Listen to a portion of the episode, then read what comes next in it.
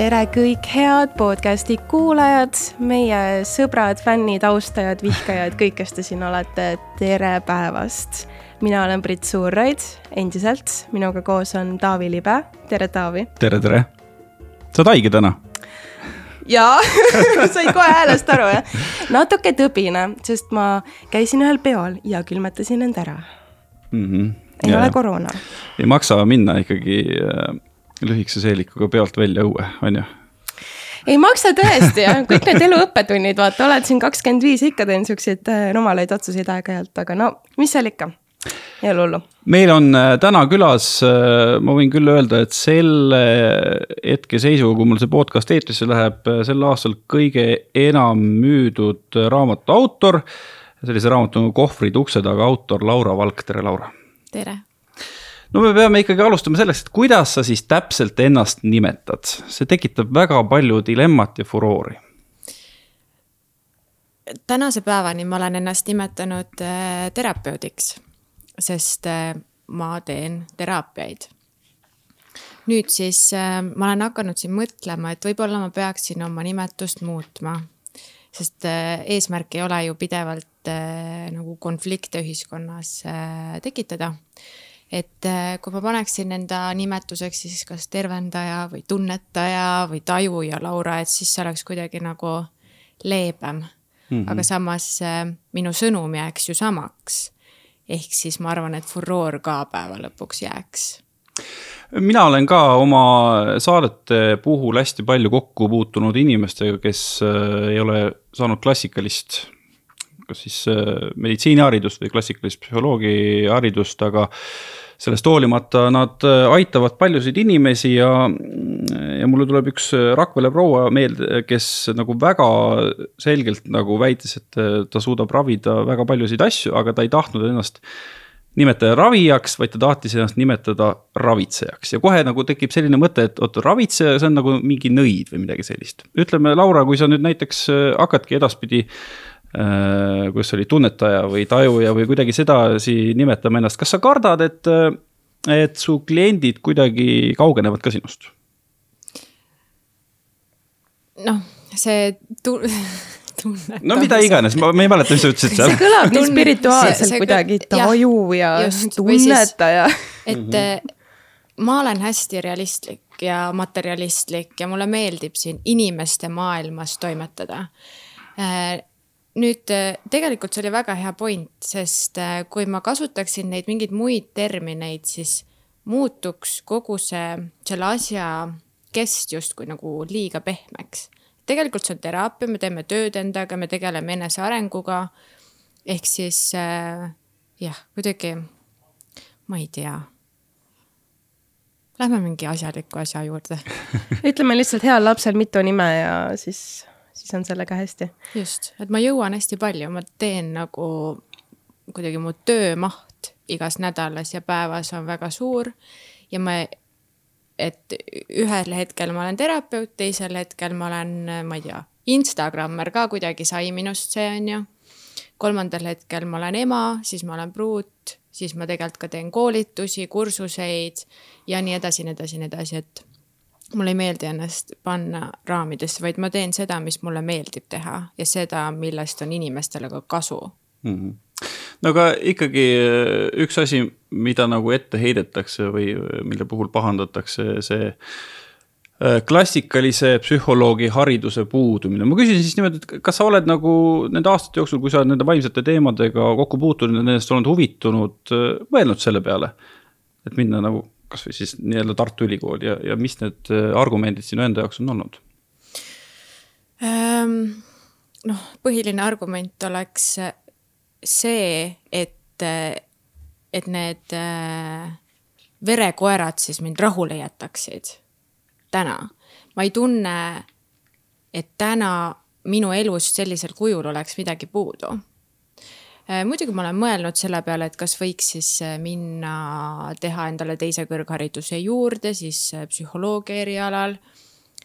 aga kui ma vaatan seda, millesse ma usun, kui ma vaatan seda, kuidas mina töötan oma klientidega, siis ma ei tunne, et sealt oleks see puudu, võib-olla ma räägin aasta-kahe-kolme pärast teist juttu, aga täna ma ei tunne sellest puudust ja ma tean, et kui ma lähen ülikooli ainult selle tunde pealt, et äh, ma nüüd kolm aastat õpin ülikoolis selleks, et äh, ennast kuidagi tõestada, siis noh, ma ei tee seda asja lõpuni. mitte sellepärast, et see oleks raske või et ma ei saaks hakkama, akadeemiliselt ma olen ka väga tark alati olnud, aga sest seal puudub see sisemine drive.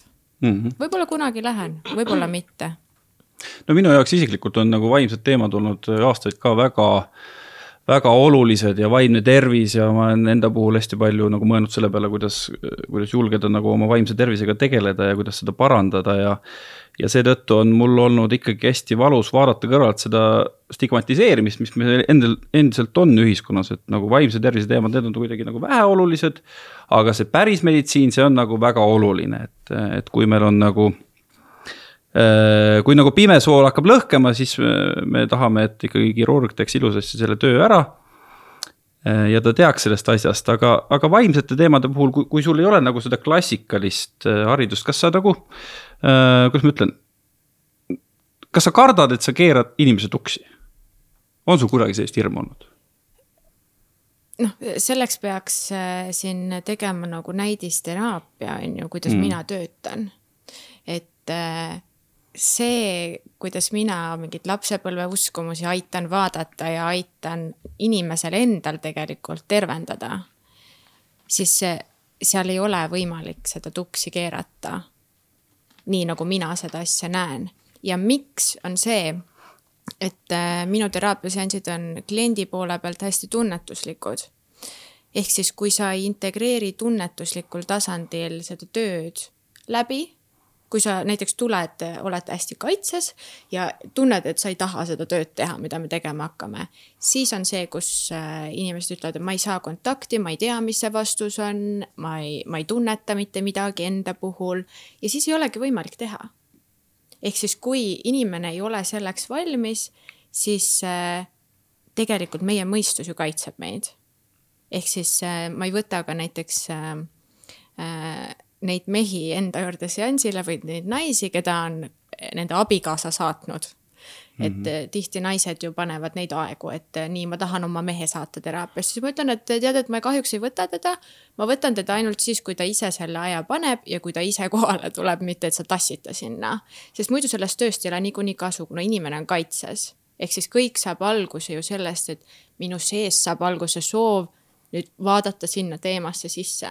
kui seda soovi ei ole siis mitte ükski terapeut sind maailmas korda ei tee ja rohkem nagu perse ka ei keera mm. -hmm.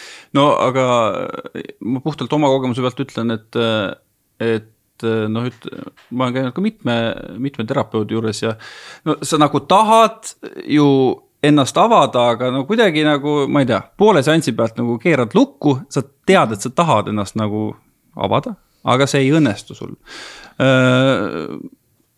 sinu meetodi puhul, kui sa nagu näed, et, et inimene on nagu kinni mm. -hmm. et ma ei tea, ütleme nii, et on siis ta kuidagi sinna sattunud kellegi soovitusel, aga, aga ta nagu ise väidab sulle, et ta tahab mm. -hmm. siis kuidas edasi liigud? Äh, seda juhtub vahepeal ja seda juhtub ka nende puhul, kes äh, tulevad väga suure sooviga endaga tööd teha. ja me hakkame tööle noh, mina töötan inimestega niimoodi, ma siis seletan otsast peale mm. -hmm kõigepealt äh, ma küsin, mis nende elus toimub täna, sellist, millega nad rahul ei ole, ehk siis see klassikaline küsimus, miks nad tulid. siis ma küsin, kuidas oli suhe emaga lapsepõlves, kuidas oli isaga ja milline oli nende omavaheline paarisuhe.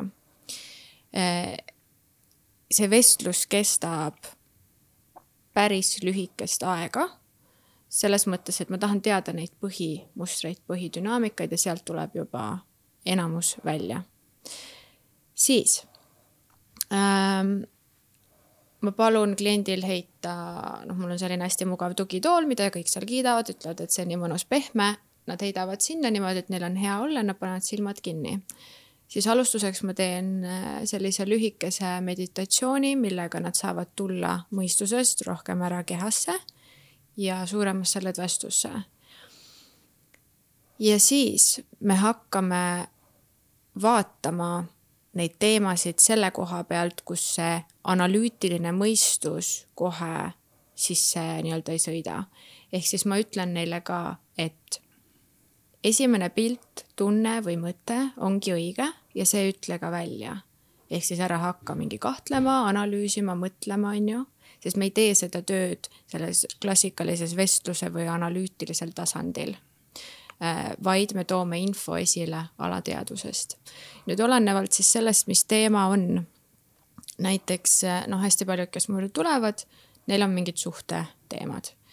Äh, väga paljud, kes mu juures käivad, on täiesti tavalised Eesti inimesed, ettevõtjad, tulevad nii mehed kui naised kui siin oli meedias mingi küsimus, et kas ma kasutan kuidagi oma kliente ära, siis ma ütleks, et need on Eesti keskmisest väga palju nagu ma ei tea, edukamad, edumeelsed, avatumad inimesed. ehk siis ma, ma nagu ei näe, kuidas ma saaksin nii tarku inimesi ära kasutada, aga see selleks. Näiteks on, tunneb, et, mis on hästi paljude naiste lugu, tunneb, et ma ei tea, ma ei armasta ennast piisavalt, ma lasen endaga halvasti käituda või äh, ma klammerdun meeste külge, ma olen ebakindel, no mis iganes, ühesõnaga armastuse puudus on väga paljude teemade baas. ja siis äh, ma lasen neil kutsuda selle inimese oma peresüsteemist äh,, oma siis nii-öelda visuaali, kellest sai see teema või armastuse puudus alguse. ehk siis me lähme sinna täiesti esimesse kohta, kus läks ressurss kaduma mind on alati hästi paelunud perekonsultatsioon, ma ei ole konstellöör, aga mulle meeldivad mingid teatavad seosed ja selgitused, mis nad on sealt võtnud. Ehk siis ka mina usun oma töös, et äh, kõik, mis on olnud meie lapsepõlves, tegelikult on juba peresüsteemist millegi tulemus ja kui me lähme nüüd ja märkame seda esimest valu seal, siis äh, seal annab väga palju ära teha, väga palju uskumusi nii-öelda tervendada. mulle ei meeldi väljend mustrite murdmine, sest me ei lähe sinna midagi murdma, vaid me lähme tegelikult seda teemat seal märkama ja sellele armastust andma. Ja kui me võtame neid lukke enda pealt ka lahti, noh, seanss läheb veel seal edasi, ütleme neid tervendavaid lauseid ja nii edasi. kui ma võtan selle luku lahti, miks ma lapsena näiteks ei ole mm,, kuidas seda seletada äh, noh, kui näiteks ema või isa ei ole olnud, ma ei tea, minu jaoks lapsena olemas, siis äh, mina väikse lapsena alguses olen ju avatud. Ja nüüd, mis on need siis nii-öelda lapsepõlvetraumad või lapsepõlve uskumused, on see, et näiteks ema teeb tööd, tal ei ole aega minuga tegeleda, siis mina võtan sealt uskumuse, et ma ei ole järelikult ema jaoks armastust väärt sellepärast, et muidu ta ju tegeleks minuga, kuna laste vaatevinkel on alati endast lähtuv, nad ei näe seda täiskasvanute maailma sellisena, nagu see on. et ema tegelikult ju käib tööl, sest ta armastab mind ja ta tahab raha teenida. ehk siis ma panen ennast justkui lukku selle koha pealt ja hakkan uskuma, et ma ei ole armastust väärt. Nüüd, kui me vaatame seda situatsiooni, siis kõrvalt täiskasvanu pilgu läbi, siis inimene ise, mina ei räägi neile seda, et sa oled küll armastust väärt, vaid ta ise näeb selle koha läbi, et kui on tema lapsena, näiteks tema ema või isa. ja ma ütlen, et vaata seda olukorda nüüd kõrvalt, täiskasvanu pilgu läbi. kas see oli sinu süü, et ema ei saanud rohkem sinuga kodus olla või oli see tegelikult noh, näiteks kas ema enda teema või oli see tegelikult selle täiskasvanu vastutus? siis nad saavad seestpoolt selle mäletamise või taipamise, et aa ei, see ei olnud ju minu süü, asi ei ole selles, et ma ei ole armastusväärne. ja mhm. uskumus kui selline on haju, noh, nii-öelda saab ära lahustuda või ära hajuda. et äh, ma ei tee mingisuguseid imetrikke nende peal, mis äh, võivad, ma ei tea, neid hulluks ajada. pigem see see, kuidas mina klientidega töötan, nende vastused tulevad alati nende enda seest. ma ei pane neile kätt otsa ette, et mm, ma siin tunnetan, et sul on see tšakra kinni. vaid nemad ise näevad, nemad ise hakkavad mäletama ja see on nii ilus. ma ei tea, miks seda ära lörtsida. Äh, no kui, kui on enda seest leitud see nii-öelda muster, mida murda, see väljend, mis, mis on see halb väljend, mis sa ise ka välja tõid, et kui kaua tegelikult ikkagi aega läheb, et, et inimene selle teadmisega harjub ja, ja ta aru saab, et niimoodi ongi, et ma olen päris lähedalt ja põhjalikult suhelnud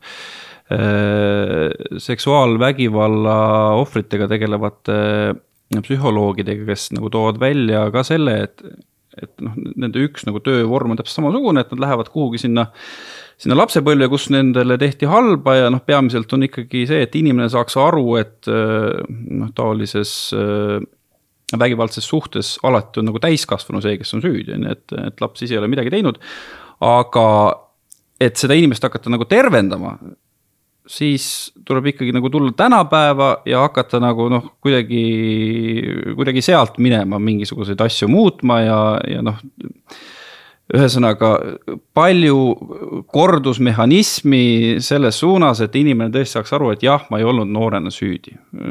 see, mida sina kirjeldasid, kui, kui kaua läheb, et inimene nagu aru saab, et, et jah, et kuule, et tegelikult ma ei olnud lapsena nagu sihuke halb mm. -hmm no vaata, Taavi, me räägime siin hästi äh, erinevatest teemadest selles kontekstis, et kui me räägime, ma ei tea, ühiskonnast laiemalt lapsepõlvetraumadest mm, -hmm. siis lapsepõlvetrauma võib olla see, et su isa ei ostnud sulle poest kommi ja sa hakkasid sealt uskuma, et sa ei ole oluline või lapsepõlvetrauma saab olla siis mingi muu ja väga tõsine trauma. kas see, et sa kaotasid vanema, nagu sina nimetasid, seksuaalne väärkohtlemine, mingisugune tohutu vägivald kodus, on ju. et noh, siin on ilmselgelt ju äh, see taastumis nii-öelda aeg või tervenemisaeg ka erinev. nüüd siis mm, ma olen ise lapsena kogenud ähm, no kui me räägime seksuaalsest väärkohtlemisest, siis see ei olnud füüsilisel kujul, aga see oli verbaalne või siis vaimne seksuaalne väärkohtlemine, sellised asjad on ka olemas. see on siis näiteks see, kui äh, üks vanematest või kasuvanematest liiga varajases eas või noh, minu puhul oli see teismeeas, mulle räägiti äh, seksuaalteemadest aga selles kontekstis, et see isik, kes mulle neid rääkis, oli siis minust peresüsteemi või nagu perekonna mõistes kõrgemal kohal justkui. ehk siis ma tundsin lapsena või teismelisena, et ma pean seal istuma ja kuulama siis seda isikut, kes mulle rääkis oma mingitest seksuaalprobleemidest ja kuidas tema ikka ei olnud seksinud ja nii edasi. et see on ka seksuaalne väärkohtlemine sest laps on selles olukorras justkui kinni ja see ei ole ka okei okay.. Ähm, minu, noh, ma räägin siis sellel teemal nagu mina kui Laura. minu kogemus äh, vägivallast tervenemisel, noh, seda vaimset vägivalda oli lapsepõlves äh,, igasuguseid asju, aga vägivalda oli ka täiskasvanu eas ja vägivallast tervenemisel, noh, esimene samm on see, et mõista. ja noh, minu töö puhul on siis see, et hakata mäletama, et ma tegelikult olen armastust väärt.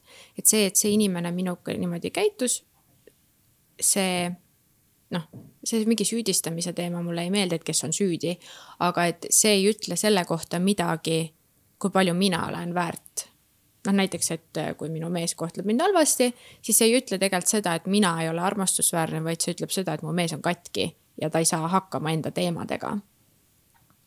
ehk siis äh, vastavalt erinevatele teemadele on ilmselgelt see nii-öelda tervenemise aeg erinev, aga minu vaatevinklist kõik algab sellest, et kas me võtame vastutust või mitte mm.. väga palju räägitakse sellest, et ära ole ohvri rollis.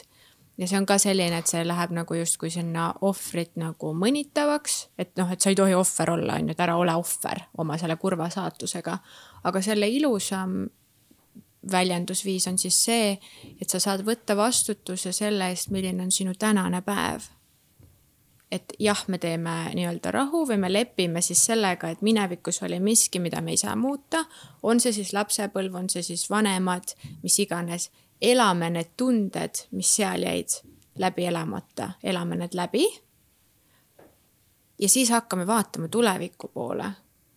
kuna me hoiame väga palju ressurssi kinni äh, oma mingite traumade või uskumuste või asjade all.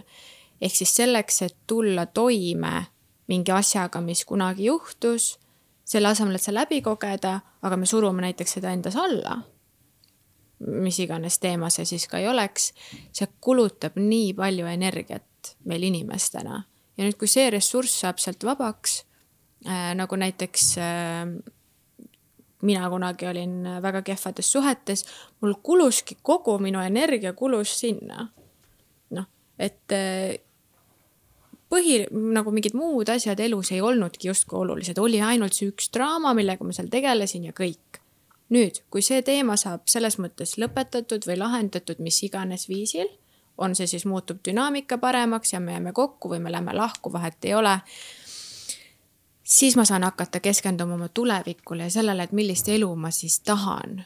sest enamasti inimesed ei tea, mida nad tahavad kui kasvõi tuleb inimene seansile, ma küsin, et mis siis täna toimub sellist, millega rahul ei ole või minevikus toimus siis räägitakse sellest hästi suure nagu sellise kirega ja kehaga ja et ikka nagu kannatused, et minnakse sinna draamasse sisse. ehk siis sa lähed sinna minevikku tagasi. kui ma küsin, et okei okay,, et mis me selle tänase töö eesmärgiks paneme, taotluseks, siis tekib nagu hmm, nagu piinlik vaikus tihti ruumis, et, et ma ei tea, mis ma tahan, siis ma küsin, no ma ei tea, et õnnelik tahad olla või? Tahan, noh, siis see on juba väga hea eesmärk, mida panna ehk siis, et see ressurss saada sealt mineviku asjade alt kätte ja suund sinna, et millist elu või millist suhet ma tahan, kuidas ma tahan ennast tunda. ja siis minna sellesama kirega vot sinna ja ma tahan näha inimest, kes siis ei jõua sinna kohale. Äh, sa põgusalt rääkisid ka enda lapsepõlvest ja äh, see sinu raamat on minu ees laual. natukene olen, seda sirvinud ka varem, just seda seda sinu suhet kasvõi emaga, mida sa siin kirjeldad äh,. kuidas sul praegusel hetkel suhe on oma emaga? ma ei suhtle oma emaga see kuidagi selles mõttes läks nii äh,. ja ma ei, ma ei tahaks oma ema rohkem kuskil podcast ides nagu selles mõttes retsida, et ähm,. aga sa tegid selle valiku, et sa retsisid teda natuke raamatus ikkagi? jah. miks ähm,? sest ähm, see on ka nagu noh, meie kõikide suhted meie vanematega on erinevad. ja mina olen võtnud enda elus seisukoha, et äh, okei okay,, lapsepõlves oli, mis oli, aga me oleme täna siin tänases päevas. ja kui sa täna valid oma last endiselt mitte armastada siis see on sinu vastutus. et ma nagu, ma ei süüdista sind selle eest, et kuidas lapsena oli nii raske, sest ma täna emana ja naisena ma mõistan, ma sain needsamad mustrid ju kaasa. ma mõistan väga hästi, et oligi raske ja et ta andiski endast parima. Aga kui minu suhtes tänasel päeval käitutakse endiselt halvasti, siis seda ma ei tolereeri. ja see ei ole okei okay mitte kellegi poolt, isegi oma ema, isa või kelle iganes poolt. see mm. ei ole lihtsalt aktsepteeritav no sa ütlesid, et, et sa oled ise ka ema, ma pean tunnistama, mul tuli üllatusena, see tuli kuskilt artiklist välja, et sul on endal kaks väikest last, jah mm? -hmm. kuidas sa neid, no ma ei taha öelda kasvatada, see on nendele ema olles, mida sa teadlikult, ma ei tea, kas väldid või üritad teha teist moodi võrreldes sellega, mida sinu ema tegi sulle? mida mu ema tegi mulle? no või, või kuidas, kuidas su ema oli su ema, kuidas sa tahad nagu teistmoodi olla oma ema, ema oma lastele mm,? ma tahan olla õnnelik. Ehk siis, mida ma proovin teisiti teha, on see, et ma proovin võtta vastutuse oma elu eest. ja ma annan endast parima, et näidata oma lastele nende ema õnnelikuna, näidata neile nende ema õnnelikkus paari suhtes, kus ma ka täna olen. Äh, näidata neile, mul on tütar ja poeg, ehk siis näidata neile mõlemale, kuidas suhelda, kuidas elada oma elu julgelt, täiel rinnal ja, ja kuidas mitte kinni jääda sinna, et oi, et mul on nii halb elu ja ma ei tea, et ikka mind lapsena ei armastatud ja nüüd ma siis nagu kurdan siin terve elu. ei, ma olen võtnud vastutuse, ma elan täpselt sellist elu, nagu ma tahan elada ja ma teen neid asju, mis teevad mind õnnelikuks ja läbi selle ma loodan neid inspireerida. ma ei ole kindlasti ideaalne ema äh, ka mina läksin oma laste isast lahku juba päris ammu väga,. väga-väga palju väljakutseid tuleb täna ka sealt, kuidas neid lapsi siis jagada, kuidas neid kasvatada äh,. eriti kui on erinevad vaated laste kasvatusel, on ju. et see ongi väga-väga raske. aga minu vastutus on see, et ma annaksin endast parima, et olla kõikide mis iganes raskuste juures õnnelik inimene. no see on ju ka äh, dilemma paljude emade jaoks, äh, mis on ka tekitanud ilmselt, ilmselt isade jaoks ka, et. et mis, mis tekitab nagu probleeme laste kasvatamise juures on see, et mis siis ikkagi lapse õnne seisukohalt äh, on olulisem, kas see, et inimene on õnnelikus paari suhtes või sellises paari suhtes, kus kõik on ligadi-logadi või see, et sa jätad nagu selle paarilise kõrvale ka mõttes ja siis tegeled ainult lastega, et mm. kuidas sa selle äh, lahti mõtestad? oh, siis tuleb nüüd heiti sellest, mis mul öelda on, aga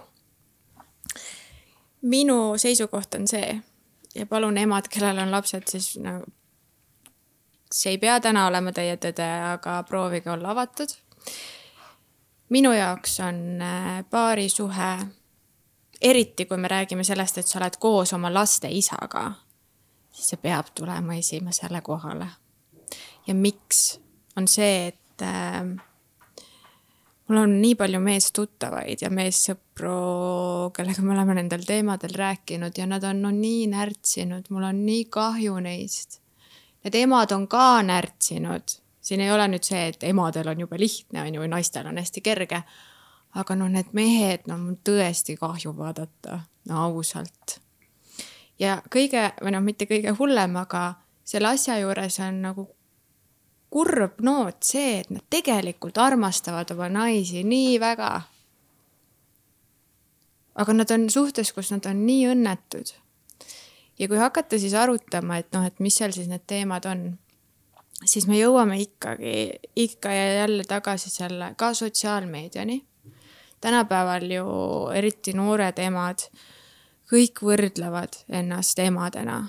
ja nüüd meil on siin Eestis ka mingisugused säravad emad, kellel on, ma ei tea, võib-olla kolm last ja, ja kui nemad siis räägivad, et kõik riided peavad olema orgaanik, kõik toidud peavad olema täiesti öko, šmöko, mingid kõik asjad siis äh, ja kuidas nemad ainult hommikust õhtuni tegelevad oma lastega, neil ei ole lapsehoidjaid, äh, keegi neid ei aita, nemad on super emad, on ju.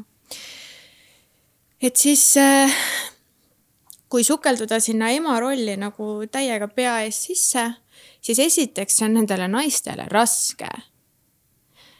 aga kuna kõik mu ümber tundub, et on sellised, et mitte keegi ei võta lapsehoidja, no siis ma ei saa ju olla see kehvem ema mina olen see, kes võt-, noh, mina, Laura, olen mm. see, kes võtab lapsehoidjat ja kes äh, ehitab oma karjääri siin väikeste laste kõrvalt ülesse. no ma ei tea, selle kohta peab mu lastelt kunagi küsima arvamust, et mis see siis õige on. aga samas äh, äh, kui me räägime nendest tugevatest Eesti naistest ja meestest, kes ei võta vastutust, siis äh, kui need naised ise tahavad nii tugevad olla ja nad näitavad lastele ära selle, et savise paarisuhe, peaasi, et meil näeks kõik avalikult ülihea välja.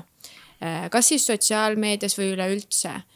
ja, ja noh, et, et tegelikult ma elangi teie nimel, siis hakkavad need lapsed elama teiste nimel ja need lapsed tihti tunnevad, et nad on nagu oma ema eest kuidagi vastutavad. kuna ema on sada prossa selles projektis sees, siis jumala eest emale ei tohi pettumust valmistada ja mida ma ütlen veel naistele, on see, et kui noh, ma ju räägin ka seksuaalsuse teemadel internetis, on ju. et kui te, me saame naistena ja meestena ka, me saame naistena väga edukalt elada ilma seksita. Äh, mina raseduse ajal üldse ei tahtnud seksida, no ma räägin sellest raamatus ka, nii et ma võin siis juba siin ka rääkida. Kuna ma olin väsinud, suhe ei toiminud, mehega ühendus puudus, ei tahtnudki seksida. ja siis äh, peale sünnitust ka ei tahtnud seksida.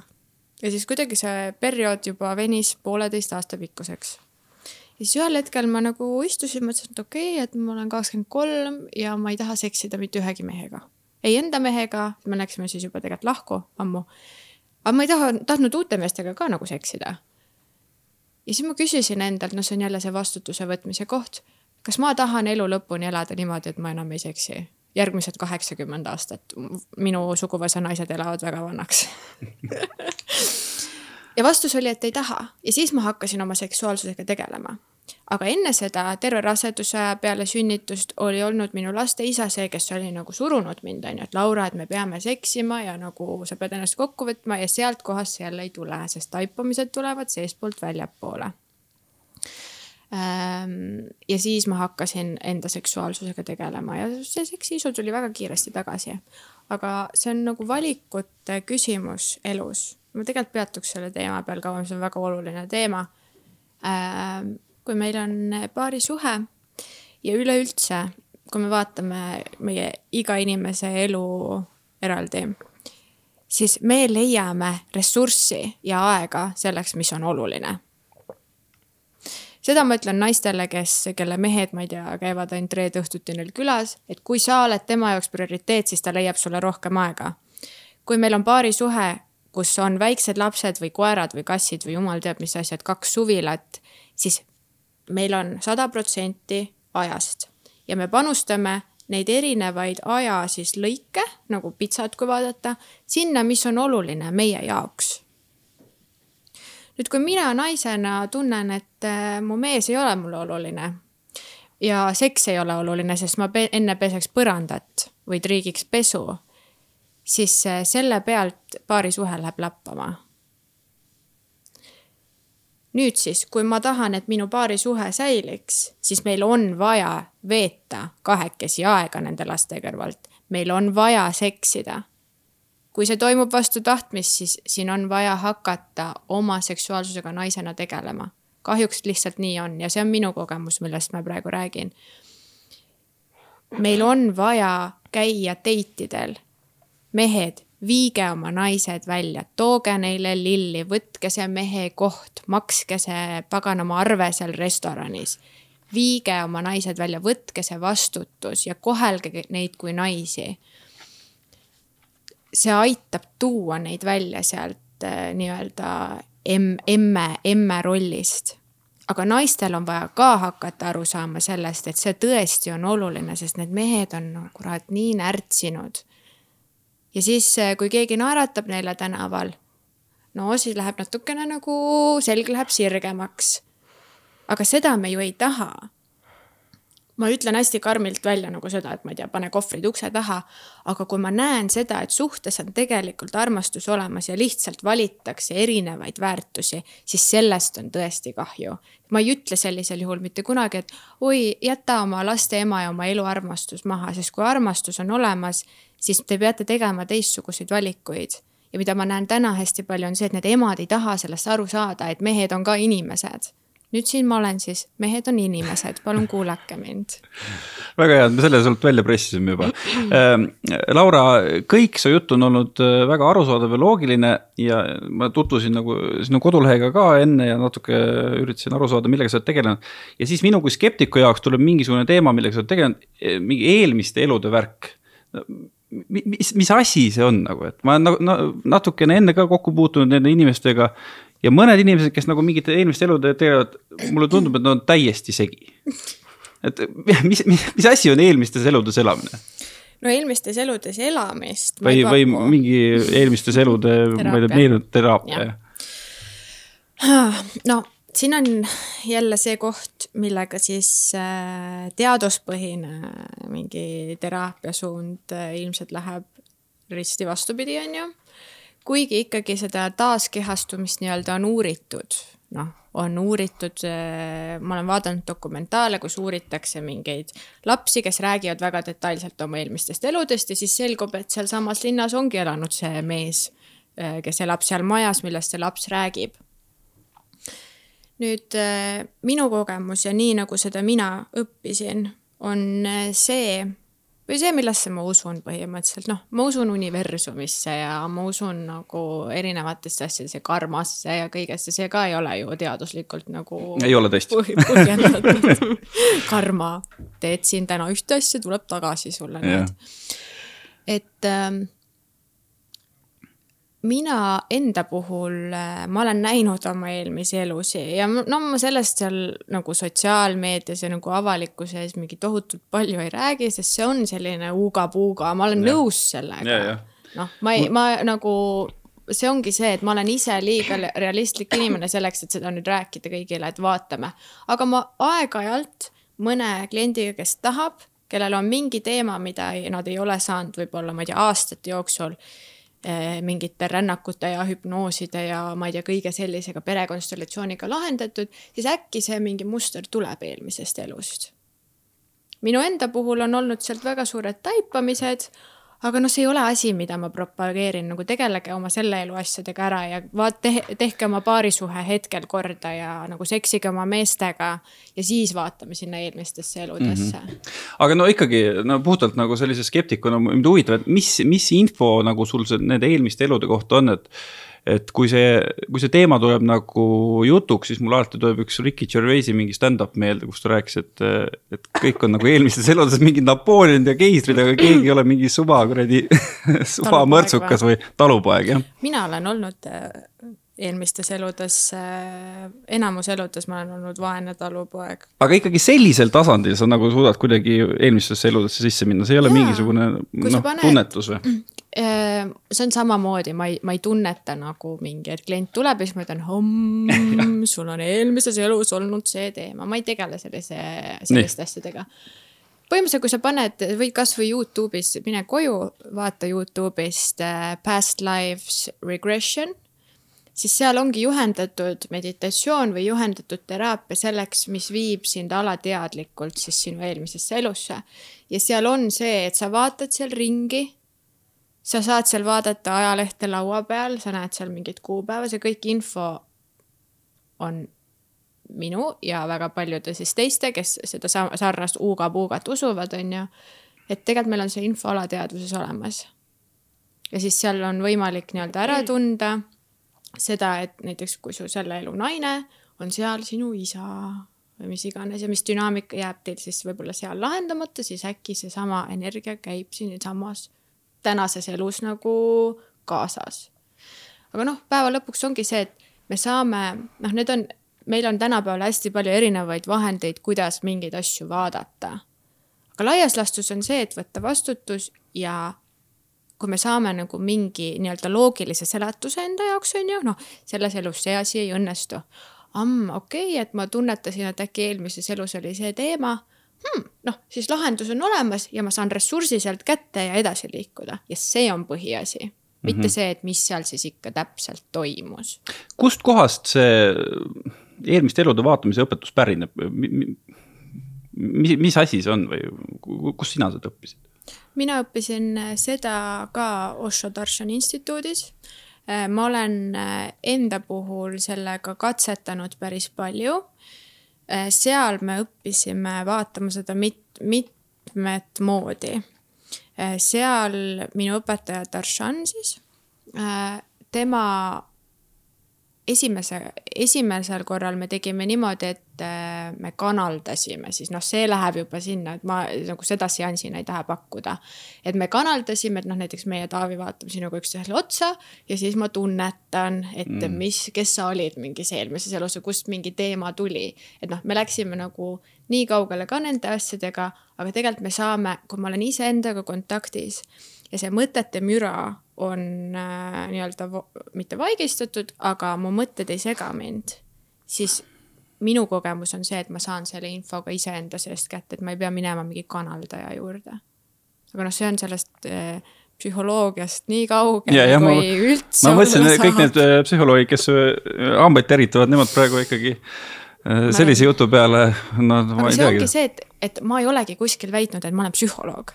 Ma ei ole kuskil väitnud, et ma olen pereterapeut või psühhoterapeut, vaid ma teengi natukene uga-puugat mm, -hmm. aga ma teen seda tavainimese jaoks võrdlemisi söödavas võtmes ja ongi kõik. ma ei ole väitnud kuskil, et ma tahan kuuluda psühhoterapeutide liitu, hetkel ma ei soovi seda. lihtsalt ei või seda nimetust kasutada, terapeut.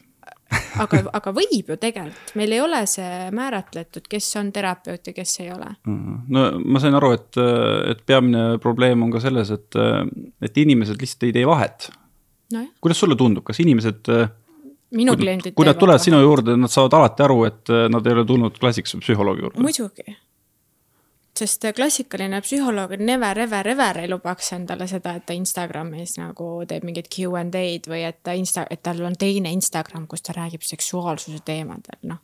Never ever mm. -hmm. Need on äh, minu klientide puhul ja minu persooni puhul, need on väga lihtsasti eristatavad ja ma arvan, et kui sa juba näed mu kodulehel äh, sõna eelmised elud või mingi jonimassaaž sinna me võime ka täna minna, see on ka eraldi teema. siis äh, noh, siis ma ei ole klassikaline mingisugune tegelane ja sellepärast nad tulevadki mu juurde, igalühele oma. väga paljud mu kliendid käivad ka kuskil psühholoogi või psühhiaatri juures ja nad otsivad toetavalt mingit nagu mingit värskemat lähenemist juurde, ma ei tea, minu arust see on väga okei okay.. me elame ikkagi aastas kaks tuhat kakskümmend kolm. Kui sa ise ka ütlesid, et ähm, noh, et, et äh, sinusuguseid vaata nagu noh, mitte neid siis klassikalisi, ma ei tea, psühholooge, psühhiaatreid ähm, on ka päris palju ju lisaks sulle mm -hmm. tegelikult Eestis vaata ja te olete üsna populaarsed või noh, teil on ju ikkagi no järjekord on ju põhimõtteliselt ukse taga. et äh, mis sa ise arvad, et miks need inimesed tulevad teie juurde? et äh, kas asi ongi selles, et lihtsalt, et Eesti meditsiinisüsteem on ütleme siis leebelt natuke lappes, et äh, kui ma lähen, tahangi minna noh, psühholoogi juurde, ma pean ootama mitu kuud mm, -hmm. aga alles sinu vastuvõtule näiteks ma saaksin kiiremini tulla. no minu vastuvõtule saab kiiremini ainult sellel põhjusel, et äh, kuna mul on kaks väikest last, siis äh, ma alguses ma panin endale neid seansi aegu ette ka kolm kuud, on ju. Ma ei tea isegi, mul lapsed hakkasid just äh, hoius käima, ma ei tea isegi, milline mu homne päev välja näeb ausalt öeldes. ehk siis minu lähenemine on see, et mina panen näiteks äh, sinna enda süsteemi ülesse, ma panen aja, et kahe nädala pärast saab tulla, kes tahab ja siis need ajad lähevad nagu võrdlemisi kiiresti ära. ma ei ole viitsinud endale hakata seda järjekorda, et oi, et mul on kaks aastat on järjekord. ma kahe aasta pärast võib-olla ma ei elagi enam Eestis, et ma ei taha endale sellist pinget panna. Aga vastus su küsimusele on see, et äh, tegelikult psühho, nagu kui inimene mõtleb, et nii, ma tahan minna klassikalise psühholoogi juurde, ma tahan vestelda, ma tahan, et keegi peegeldaks mulle minu tundeid ja nii edasi, mõtteid, siis tegelikult äh, saab ka aega. See on ka jälle mingisugune jutt, mida on endale vabanduseks võetud, et oh, kõik psühholoogide ajad on kinni ja sellepärast ma ei võta oma elu eest vastutust. see on lollus ju. kui sa tahad aega, siis sa leiad selle aja no erameditsiinist leiab muidugi, aga, aga noh, jah, jah jah. et kui sa lähed ikkagi nagu saatekirjaga ja tahad, tahad saada natukene odavamalt, sellepärast et meie elatustase on selline, nagu ta on, siis ikkagi tuleb oodata, nii et vähe pole. muidugi nemad ilmselt ei tule ka sinu juurde. jah, just. Teine asi on see, et ähm, äh, kui peale sünnitust tegelikult mulle, minu see mm, perearst tegi mulle saatekirja psühholoogi juurde ja ma vaatasin neid erinevaid äh, kohti, kus seda teenust pakuti, et saab minna saatekirjaga ja tegelikult ikkagi sinna oleks saanud aega, noh, küsimus on siis see, et neid eh, psühholooge on ju ka erinevaid, ma nagu ikkagi vaatasin ka, kuhu ma tahaks minna ja sinna ongi noh, heade tegijate juurde ongi keeruline saada, vahet ei ole, kas nad on äh, alternatiivsest või siis sellest teaduspõhisest suunast. Mulle tundub, et äh, minu juurde jõuavad inimesed äh, väga tihti sellised, kes äh, ei ole sealt saanud abi, no ma ei taha seda öelda, aga ma ütlen ikkagi, kes on nagu proovinud minna klassikalist teed pidi ja sealt ei ole abi tulnud. ja ma ei re reklaami ennast kuskilt niimoodi ja mitte ka siin, et oi, kõik, kes teie ei ole abi saanud nagu klassikalises suunas, siis tulge minu juurde, ei. aga lihtsalt ma olen üks nagu variant väga paljudest, sest väga paljud inimesed on otsinud hullult paljudest kohtadest abi. Ja mis mind teeb kurvaks, ainus asi selle nii-öelda klassikalise suuna puhul, mis on hästi paljude inimeste kogemus, kes on minu poole siis pöördunud, on see, nad lähevad, räägivad oma mure ära ja pannakse pumm retsept, hakka sööma ravimeid. no seda teevad psühhiaatrid ikkagi. nojah, just, aga, aga ongi see, et tihti võib-olla see on nagu väga vajalik, et inimest üldse elus hoida, see, et sa paned talle antidepressandid. aga mulle tundub, et neid võib-olla kirjutatakse kergekäeliselt. see on see, mida minu kliendid on mulle rääkinud ja siis nad ei saa pärast enam lahti nendest antidepressantidest. et sa hakkad nagu võõrutama ennast sellest et äh, ma ise nagu tahaksin hästi, et meie ühiskond liiguks sinna suunda, et tegeleda nende algpõhjustega. aga jällegi ma ei kahtle mitte ühegi, ma ei tea, arsti selles mõttes pädevuses, et kui nemad näevad, et on vaja panna see mingi ravim, siis ma olen sellega nõus, aga võiks hakata tegelema selle põhjusega ka, et miks see teema üldse nagu alguse sai mm. -mm no mina olen ka võtnud antidepressante elus äh, üksjagu ja äh, no mina olen ikkagi erinevate psühhiaatride juures, esiteks, et psühhiaatrid annavad antidepressante, teiseks nad on ikkagi alati ka kuidas ma ütlen, teraapia sinna juurde kirjutanud, aga noh, see on muidugi väga halb kogemus. siis sul on väga hea inimesed, kogemus, jah. inimesed, kes on nagu lihtsalt saanud tablette. just, sul on väga hea kogemus ja selle üle mul on tõesti hea meel, et ma ei ütle sulle, et mingit ära mine sinna või ära võta neid, vaid et tegeleks selle teemaga ka ja kui sellega tegeletakse, fantastiline, ma ei tea üldse, millest me siis, siis räägime nagu. Mul on hea meel. räägime siis äh, kõige lõbusamast asjast ka, mitte joonimassaažist, vaid sellest sinu legendaarsest legendaarsest äh, rubriigist, mida Laura teeks, mille kohta on siin raamatus ka väike, väike selline. tead, inimesed tahtsid, inimesed ütlesid, et pane raamatusse ka korduma kippuvad küsimused, ma alguses ei plaaninud seda teha ja siis ma mõtlesin, noh, kui Eesti rahvas tahab, siis ma pean ju tegema.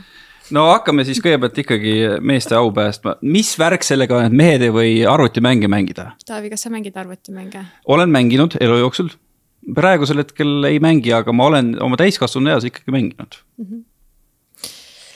vaata ähm,, see on nüüd jälle see koht siis, kus ähm, te ei pea minuga kõigest nõustuma, aga äh, kuidagi on läinud minu jaoks nagu asjad niimoodi, et äh, ongi, ma teen What would Laura do'd mm. -hmm. mõned vaatavad seda meelelahutusena, aga te ei kujuta ette, kui paljud naised mulle kirjutavad, et läbi selle, et on mingi Laura kuskil Instagramis, kes julgeb ennast väljendada, on hakanud nemad ka ennast väljendama.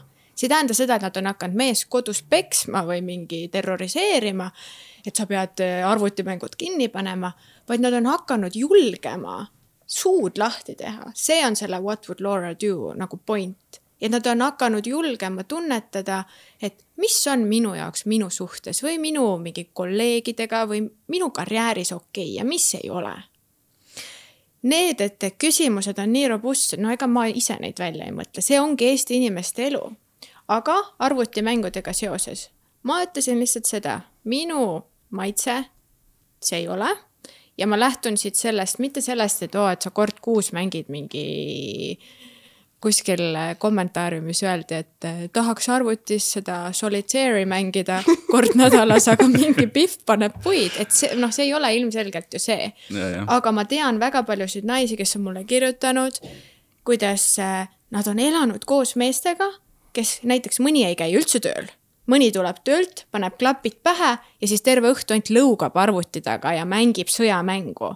ja siis äh, need naised saavad veel sõimata ka, et noh, näed, vales kruusis tõid mulle piima koos moosisaiaga no mis, mis sitt see on, see ei ole paarisuhe ja sellises asjas mina ei osale mm,. no siis sel juhul ei ole küsimus arvutimängudes enam on ju. no siis on see on nagu, juba kõik muud asjad. siis on jah kõik pekkis juba. sul ei ole vahet, kas sa elad mingi kasiinosõltlasega, pornosõltlasega või arvutimängus sõltlasega, ma rääkisin sõltuvusest mm. -hmm nojah, igasugune äärmus, ma arvan, tegelikult Just, ei ole okei okay., noh, selles suhtes ma olen kuulnud lugusid, et äh, mõndadel naistel on olnud sellised kaaslased, kes on näiteks nii suured jalkafännid, et kui mingi olulisem sihuke jalkamäng on telekast, ei mingit date night'i, ei mingit umbes sõpradega väljaminemist nagu, vaid kodus jalka mm -hmm. ja vaadatakse ainult jalkat mm, -hmm. sest see on nii oluline. ja siis ma ka lihtsalt mõtlesin, et issand jumal, et nagu ma ei kujutaks ettegi sellist asja no,. et vaata. mu mehel on jalgpall olulisem kui, ma ei tea, mina näiteks mm. -hmm. no siin on jällegi see, et esiteks jällegi, mis on prioriteedid elus, on ju, ja mis väärtused meil on.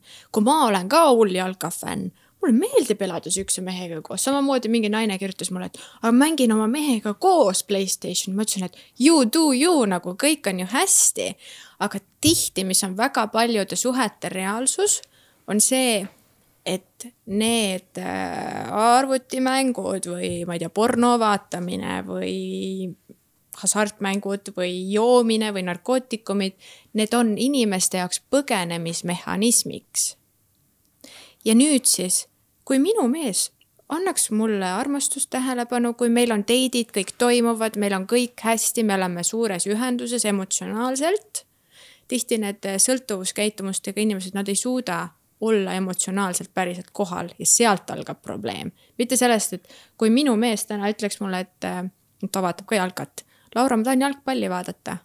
aga ma olen muul ajal temaga ühenduse ära saanud, palun, kallis, vaata, ma äh, tegin just äh,, rääkisime temaga sellest arvutimängu teema, siis ma ütlesin, tead, muisu, kui sina praegu ütleksid, et kallis, ma vaatan jalkat, too mulle palun mingi kruusiga juua, ma tooksin sulle. sest meie suhe on okei okay et probleem ei ole selles, et mängitakse arvutimängu, kuigi see on minu jaoks igal juhul ebaseksikas. aga probleem on selles, et suhtes puudub ühendus. ja see aeg, mis võiks minna suhtesse, läheb kuhugi mujale. ja see on kõik. ühendus puudub suhetes. kas need inimesed, kes seda rubriiki noh, nagu igapäevaselt või nii tihti, kui sa seda teed, jälgivad, kas nad saavad sellest äh, sellest taustast nagu aru või, või sa mõnikord kardad ka, et, et võib-olla need inimesed vaatavadki sind nagu sellist messiast, et kes nagu vanas testamendis ütlevad, et sina ei tohi mitte tappa ega, ega ligimese mm, vara himustada, ehk siis nad Nad täpselt, nad loevadki selle ainult selle arvutimängu värgi välja ja siis lähevad koju mehe juurde, sina ei või arvutimänge rohkem mängida. ja kui sa seda ei tee, siis on meie suhe kõik hästi, kas nad saavad sellest taustast aru, sest need story'd on ju küllaltki lühikesed ähm,? no vaata, sellega on see, et ähm, kui keegi küsib oma küsimuse, neid küsimusi tuleb metsikult palju mm. -hmm. kui keegi küsib oma küsimuse, siis ma vastan sellele küsimusele. ja nüüd siis on see, et no näiteks kui keegi tuleb küsima, et Laura, ma ei tea, minu mees, noh, mida need mehed võiksid teha. ma ei tea, mu mees äh, ah, suht- või okei okay,, ma ei ole suhtes, aga mul on mingi boyfriend, kes äh, tuleb, seksib minuga paar korda, siis ma olen hullult armunud temasse ja siis on kaks kuud vaikus. Hmm.. nii, kui ta oleks selle olukorraga rahul, ta ei küsiks what would Laura do? seda küsimust. alustame sellest, kui ta oleks rahul, siis ta elakski oma elu ja ta oleks õnnelik. nüüd, ta ei ole selle olukorraga rahul, siis väga palju on äh, meie ühiskonnas täna seda, et inimestel on vaja väljaspoolt kinnitust saada. Äh, tihti mingid naised kirjutavad oma loo sellest, kuidas äh, mees terroriseerib reaalselt neid, sõimab neid kõikide kõige koledamate nimedega. ja siis nad küsivad mu käest, Laura, kas see on põhjendatud, et ma tunnen ennast halvasti, kui ta mind sõimab? ilmselgelt on ju. ehk siis what would Laura do eesmärk on ka see, et need, kellel on vaja seda kinnitust saada oma tõele, kui, kui ta oleks rahul selle olukorraga, ta ei küsiks seda.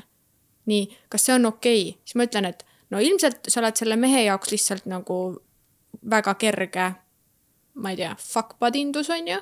ta tahab sinuga lihtsalt vahepeal seksida ja kuna sinu standardid on nii madalad, siis ta ei pakugi sulle rohkemat. ja siis neil on põhimõtteliselt, siis tekib jälle inimesel see valik, okei okay,, kas ma tõstan oma standardid või ma siis teadlikult lepin selle asjaga. ja see on ka valik, ma ei tee seda valikut nende eest ära mm. -hmm. ehk siis noh, põhimõtteliselt sa nagu peegeldad äh seda, mida nad tahavad kuulda, natuke võimendatult. no ma illustreerin seda asja nagu, nad ei taha seda kuulda, see on ka see, et mis sa siis arvad, et need naised tahavad? mitte kõik naised ei taha võtta vastutust oma elu eest. noh, see on see, et nad räägivad oma mingi loo ja, ja see paneb neid tihti mõtlema, et okei okay,, et võib-olla siis see ei olegi okei okay, kui mind põrsaks raseduse ajal nimetatakse. no mul tuleb selliseid lugusid lihtsalt, et süda läheb pahaks. ja siis mul tekib küsimus, et kuidas nagu mina olen ainus, kes ütleb, et sellised mingid väga rõvedad või väga vägivaldsed situatsioonid ei ole okeid. Siis ma peaksin neilt kümme korda teraapiaseanssi kõigepealt neile maha müüma ja siis, et nad nagu, mida, kuulan, kuidas nad räägivad. mingid asjad meie ühiskonnas on okeid ja mingid asjad ei ole, vägivald näiteks kindlasti ei ole ja see on lihtsalt see, et naised ja mehed tihti näevad seda asja hästi erinevalt. minu mingid meestuttavad küsivad, ma ei tea, arutavad omavahel, et kuidas Laura neid mehi nagu niimoodi läbi näeb, on ju. et noh, et äh, kui mingi naine ütleb, et äh, ma ei tea, et mu mees lubas mulle kõik asjad kokku, aga siis nüüd, kui ma, ma ei tea, nüüd, kui me oleme mõnda aega koos olnud, siis mitte ühtegi lubadust ei ole täidetud noh, et siis, siis ongi see, et siis ilmselgelt siin on ju mingi miscommunication, nagu mingitest asjadest saadakse erinevalt aru. aga noh, mitte ükski mees ei räägi kunagi nii ilusat juttu kui enne seda, kui ta on naisega seksinud. praegu oled sa õnnelikus suhtes, ma saan aru, jah?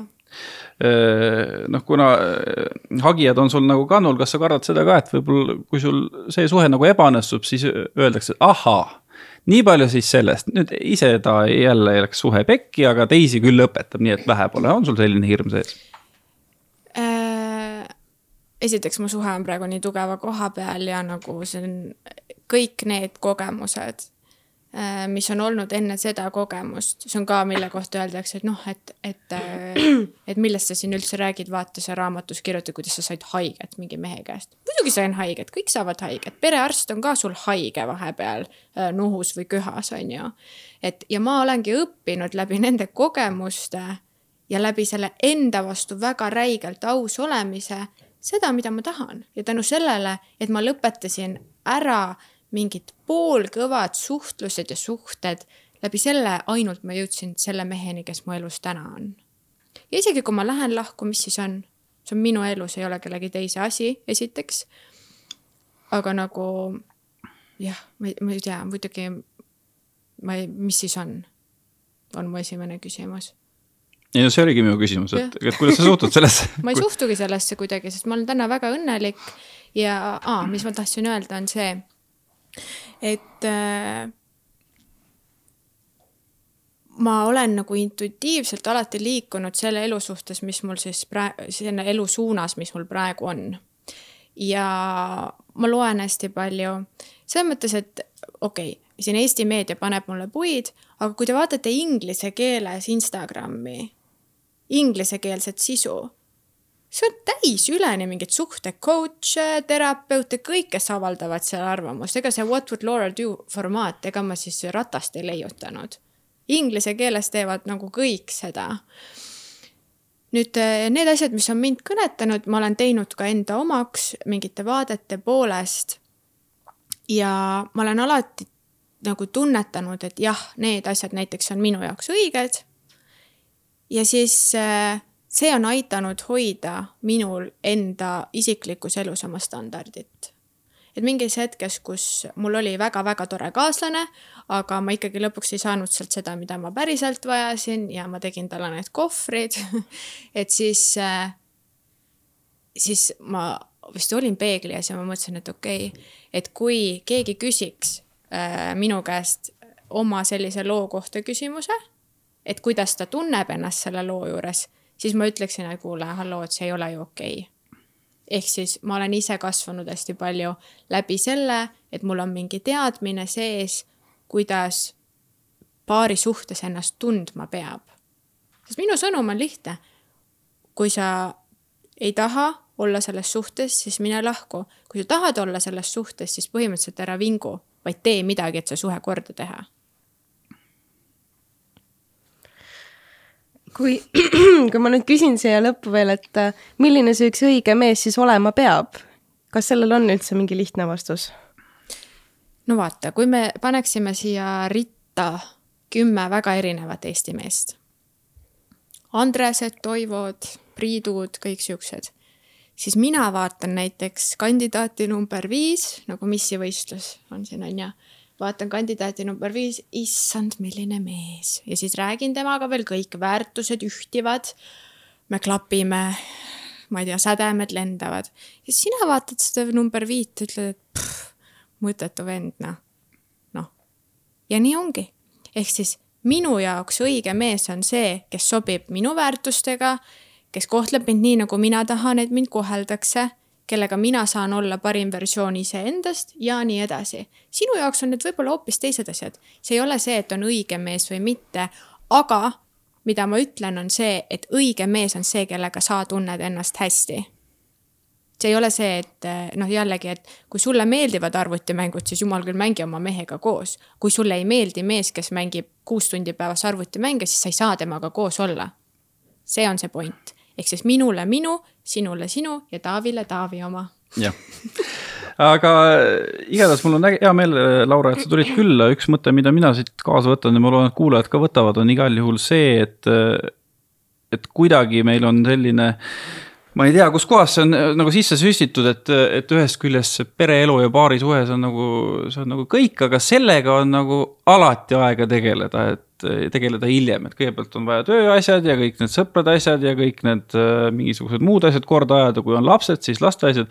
ja küll siis pärast nagu paarisuhtega tegeled, tegelikult tuleb ikkagi vastupidi. valikud elus. mul on üks sõbranna, kes, kellel on, on meil veel aega või?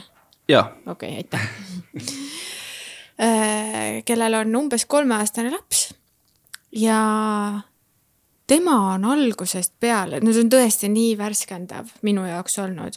enne seda ma oleksin ka ilmselt läinud sinna teed, et noh, et see mees, las ta saab ise hakkama ja tema enda vastutus ja blablabla bla, bla. tema on esimesest päevast peale oma suhtes ja ka emana öelnud, paarisuhe tuleb esimesena, meil on vaja veeta paari aega, meil on vaja olla füüsiliselt ka lähedased ja see tuleb esimesena. Ja see on tema lause tegelikult, et ongi valikud elus, mille sa valid ja nad on nii õnnelikus suhtes, neil on tore laps ja tegelikult jätkub kõigi jaoks, aga see on nagu see, et kui meil oleks siin see vaas laua peal ja sa viskad sinna esimesena liiva sisse, siis tennisepallid ei mahu. aga kui sa paned tennisepallid esimesena mis võiks olla tegelikult paarisuhe, siis see liiv mahub ju ka sinna vahele. et äh, minu jaoks samamoodi. Kõigepealt muidugi mina ise, paarisuhe ja muud asjad, noh, lastele on nii oluline näha seda, et vanemad oleksid päriselt õnnelikud. seda närtsinud isa, no ma ei tea, noh, siis me võtame needsamad mustrid lastena kaasa paarisuhe ei ole oluline, on okei okay olla õnnetu. mida te tahate oma lastele väärtustena kaasa anda? Mina tahan anda seda, et lähedus ja armastus paari suhtes on nagu kõige olulisem asi, mitte see, et elame koos, sest meil on ühine pangalaen mm. -mm. ehk siis paarisuhe on oluline, palun veetke oma kaaslastega aega. kui te armastate oma partnerit, siis sinna tasub panustada, sinna tasub pingutada, mehed, viige oma naisi välja, naised, laske ennast lastega aidata, saatke nad vanaemade juurde või võtke lapsehoidja. paaridel on vaja veeta paari aega aitäh aitäh, äh, Laura Valk, et tulid külla. Äh, oli, oli huvitav. tore, mul ka head kuulajad, meie kohtume järgmisel nädalal, olge tublid ja tehke õigeid valikuid ja väärtustage ennast ja oma partnerit. valikud elus Absol absoluutselt ja kui keegi mõtles, et miks Brit ometi mitte ühtegi sõna ei ütle, siis äh, ma lihtsalt mõtlesin, ma säästan teid tema tõbisest häälest, nii et äh, Taavi tegi täna lihtsalt heavy lifting ut. ja järgmisel nädalal äh, ma loodan, et sa oled terve. ma ka ma ei viitsi enam aga ja, aitäh kõigile kuulajatele ja kohtumiseni uuel nädalal. tšau, pakaa